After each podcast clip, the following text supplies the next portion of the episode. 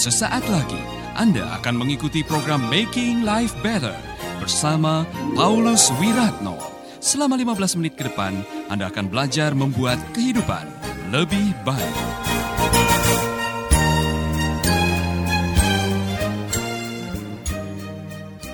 Ya, kembali bersama dengan saya Paulus Wiratno tentunya dalam program Making Life Better yang bikin hidup lebih baik. Saudara-saudara, saya bersyukur sekali karena bisa mengunjungi Anda di mana pun Anda berada melalui program kesayangan kita ini, program Making Life Better. Saudaraku, saya percaya program Making Life Better ini yang sudah menjadi berkat buat saudara ada banyak yang memberikan kesaksian, yang menulis SMS, yang bahkan melalui Facebook mengatakan terima kasih Pak oleh karena program Making Life Better yang didengar lewat radio sudah menjadi berkat, sudah membawa imannya lebih baik, rumah tangganya lebih baik, ekonominya dipulihkan, kehidupannya penuh dengan pengharapan. Itulah sebabnya saya ingin mengucapkan terima kasih kepada Bapak Ibu, saudara-saudara yang sudah memberikan kesaksian kesaksian tentang betapa luar biasanya dampak making life better untuk kehidupan saudara. Rekan-rekan yang ada di luar negeri seperti di Hong Kong, di Abu Dhabi, di Qatar, ada yang di Doha yang mendengarkan Making Life Better melalui aplikasi dan Anda diberkati. Saya senang sekali apabila Anda juga bisa mengirimkan kesaksian yang bisa memberkati saudara-saudara kita yang lain. Haleluya. Saudaraku, hari ini saya mau mengajak saudara-saudara belajar tentang betapa pentingnya membuat semacam tembok untuk kehidupan kita, khususnya untuk pernikahan kita. Karena kalau tidak ada batas, kalau tidak ada border, kalau tidak ada filter, apa saja bisa merusak yang namanya pernikahan ini. Itulah sebabnya salah satu cara untuk membuat rumah tangga kita terlindung, rumah tangga kita akhirnya bebas dari ancaman yang bisa menghancurkan kehidupan, kita harus punya niat untuk membangun border atau batas atau tembok atau pagar. Itu yang saya maksudkan. Dalam bukunya Pak Larry Stockstill yang berjudul Model Man, Pak Larry menyinggung tentang betapa pentingnya setiap pria membangun batas, membangun tembok. Karena kalau tidak, akhirnya pernikahan kita yang akan menderita akibatnya. Saudara-saudara, saya rindu pada hari ini mengajak saudara-saudara untuk merenungkan ini. Jika Anda sebagai seorang pria, Anda tidak membangun batas dengan wanita-wanita yang lain yang ada di sekitar kehidupan Anda, apakah itu karyawan, apakah itu teman satu gereja, apakah itu teman satu pelayanan, atau apa pun namanya, kalau Anda tidak bisa membangun batas, akhirnya Anda mengizinkan mereka masuk dalam dunia privasi saudara, itu bisa menghancurkan pernikahan, bisa menghancurkan rumah tangga saudara. Itulah sebabnya kita harus belajar untuk mengatakan ya dan ya, tidak, tidak. Artinya kita sudah tahu mana yang boleh, mana yang tidak boleh. Nah, contoh yang paling bagus adalah Yusuf. Yusuf dia punya core value, dia punya nilai kehidupan yang dia jaga.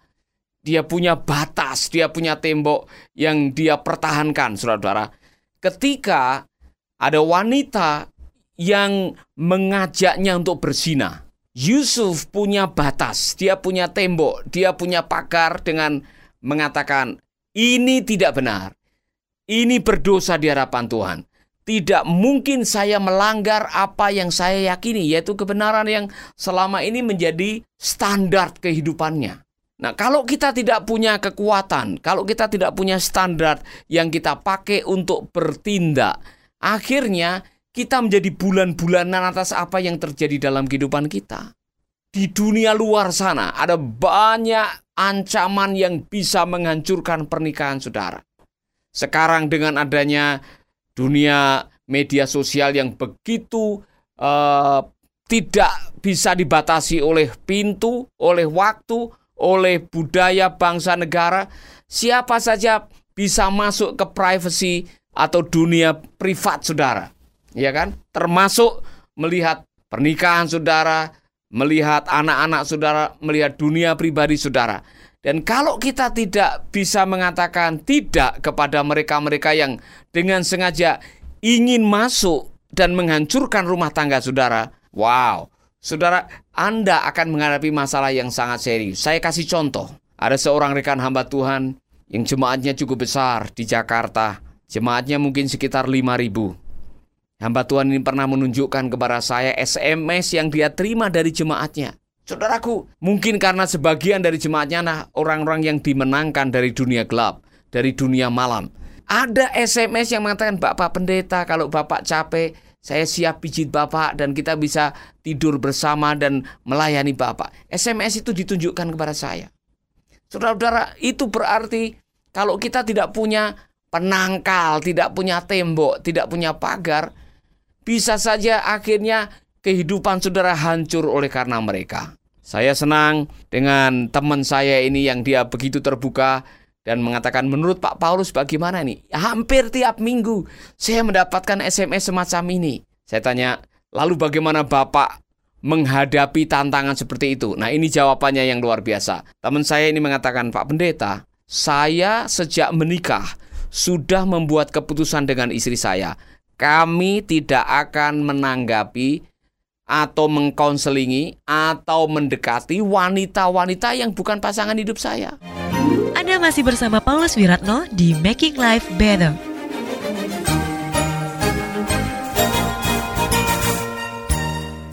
Saudara-saudara, itu yang saya sebut dengan pria harus membangun tembok. Kita harus membangun batas. Kalau kita tidak punya batas akhirnya teman hidup kita yang akan tersinggung karena ada orang-orang yang diizinkan masuk di dalam dunia privasi kita yang akhirnya mengganggu rasa nyaman, akhirnya ada keraguan-raguan dan rasa kepercayaan itu terganggu ketika rasa percaya itu sudah tidak ada dalam pernikahan sangat bahaya sekali.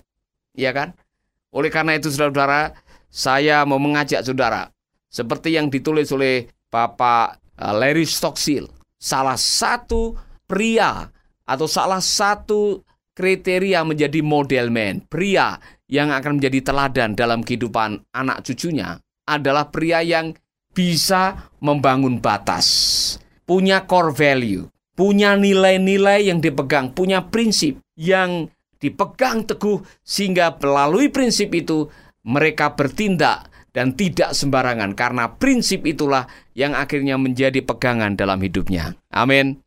Saudaraku jangan sampai seperti orang yang mengatakan seperti nulo Pak, sekarang ini yang namanya selingkuh ini kan sudah sesuatu yang lumrah, yang wajar. Bukankah survei membuktikan satu dari dua pria itu berzina atau selingkuh? Nah kalau tetangga kanan selingkuh, tetangga kiri selingkuh, belakang rumah selingkuh, kemudian saya tidak ikut selingkuh, saya kan ketinggalan zaman pak. Saudara, jangan pernah berpikir seperti itu. Yang namanya kebenaran itu kekal sifatnya. Firman Tuhan itu tidak memandang keadaan kondisi apa pun juga. Yang namanya yang dibenci oleh Tuhan yang namanya pengkhianatan, kekerasan dalam rumah tangga, perceraian yang dibenci oleh Tuhan, sampai kapan pun itu akan dibenci oleh Tuhan. Itulah sebabnya kebenaran itu punya nilai kekal, saudara-saudara. Jadi jangan oleh karena kondisi dan situasi yang mengatakan, wow, mayoritas pria sekarang ini sudah bisa apa dengan enaknya selingkuh? Ada yang istrinya lima ada yang istrinya dua. Kemudian saudara mengatakan zaman sudah berubah pak. Itu kan dulu itu firman Allah. Sekarang sudah tidak. Saya yakin saudara pendapat saudara bertentangan dengan kebenaran firman. Kita tidak menganut etika situasi. Saudara tahu etika situasi Situasi membenarkan apa yang kita lakukan. Lu situasi tidak memungkinkan, Pak. Di kantor itu semua pada selingkuh. Kalau saya tidak selingkuh nanti saya ketinggalan zaman. Tidak enak sama teman-teman saya. Tidak benar itu, saudara-saudara. Apa yang menjadi kebenaran firman Tuhan harus kita pegang. Itulah sebabnya Anda-anda, khususnya para pria, mari kita belajar membangun batas, border. Mana yang boleh, mana yang tidak boleh mana yang kita sepakati itu tidak sesuai dengan firman Tuhan, itu melanggar kebenaran, itu melanggar janji nikah, itu akan melukai pasangan, Kita harus berani mengatakan tidak. Amin. Nah, pencobaannya kadang-kadang, ikan tidak apa-apa, Pak. Hanya ketemu sekali, dua kali, hanya minum kopi loh. Saya tidak punya niat apa-apa, saya tidak punya hati apa-apa. Berawal dari hal-hal seperti itu, yang akhirnya banyak orang jatuh, saudara-saudara. Jangan pernah meremehkan. Yang namanya manusia itu manusia. Di dunia ini tidak ada pria yang kebal dosa. Dengar baik-baik. Tidak ada pria yang kebal dosa. Siapa pun saudara. Jangan menganggap karena saudara seminggu puasa tiga kali dan baca firman Allah sudah katam sepuluh kali, maka saudara menjadi super rohani dan tidak bisa disentuh oleh dosa. Salah, saudara-saudara. Kita semua yang namanya manusia, apakah engkau jemaat biasa, pendeta, ustadz, biksu atau siapa pun juga, kita semua bisa jatuh dalam dosa dan keputusan yang sifatnya hanya sementara, kenikmatan yang sifatnya hanya sesaat, itu bisa menghancurkan sisa pernikahan kita. Saudaraku, kalau kita tidak hati-hati, akhirnya kita yang akan menderita dan selalu yang namanya penyesalan itu datangnya di akhir perjalanan. Yang namanya penyesalan itu biasanya datang setelah hancur berantakan. Yang namanya penyesalan itu biasanya sulit untuk dihindari setelah semua itu terjadi. Saya mau saudara belajar dari teman saya. Seorang hamba Tuhan yang jemaatnya cukup besar. Saya tidak menyebutkan dari mana, tetapi saya baru khotbah di gerejanya. Dan saya begitu kaget karena tiga tahun yang lalu, waktu saya khotbah di gerejanya jemaatnya masih ada tiga ribu. Waduh saudara luar biasa. Itu jumlah jemaatnya, jumlah pemberian jemaat juga luar biasa. Tapi ketika saya khotbah beberapa bulan yang lalu, saya begitu prihatin. Jemaatnya turun drastis. Ibadah hari Sabtu yang biasanya penuh itu tinggal mungkin seperempat. Gerejanya disekat untuk memperkecil supaya kelihatan banyak. Saudara-saudara, setelah saya tanya kepada beberapa orang, apa yang membuat jumlah jemaat turun dengan begitu drastis? Karena gembala sidangnya bercerai. Gembala sidangnya berpisah. Saudara-saudara, apa pun juga di mana pun saudara tinggal, yang namanya perceraian dalam dunia pelayanan itu sesuatu yang dipandang tabu. Bagaimana Anda bisa melayani kalau ngurus rumah tangga sendiri saja tidak bisa? Bagaimana Anda bisa menjadi pemimpin kalau memimpin rumah tangga sendiri atau memimpin diri sendiri saja tidak bisa? Saudara-saudara, ini menjadi sebuah teguran, menjadi sebuah refleksi, menjadi sebuah awasan bagi kita semua kaum pria bahwa di luar sana kalau kita tidak membangun batas, kita bisa jatuh. Di luar sana, kalau kita tidak membangun batas, kita bisa hancur. Oleh karena itu, melalui program Making Life Better, di mana pun saudara mendengarkan siaran ini, saya mau mengajak saudara, waspadai tembok saudara. Jangan sampai ada rubah-rubah yang masuk dan merusak kebun anggur. Kelihatannya kecil, Kelihatannya sepele, kelihatannya tidak bahaya, tapi yang kecil-kecil yang dianggap tidak bahaya, kalau dia sudah masuk di dalam hidup ini, di dalam pernikahan ini, biasanya itu akan menghancurkan dan bisa berbahaya dalam kehidupan kita. Oleh karena itu, saudara-saudara, tolong merefleksikan kehidupan pernikahan saudara.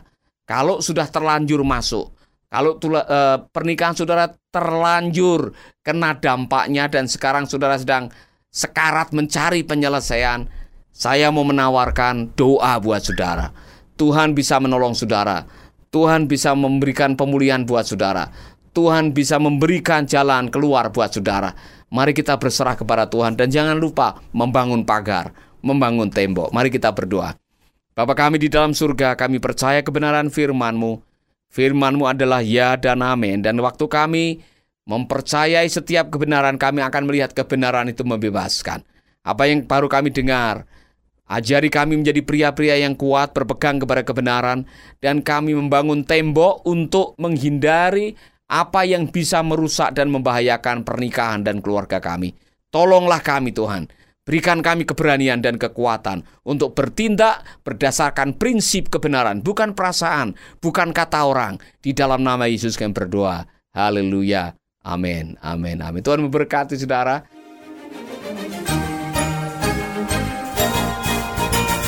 Anda baru saja mengikuti program Making Life Better bersama Paulus Wiratno.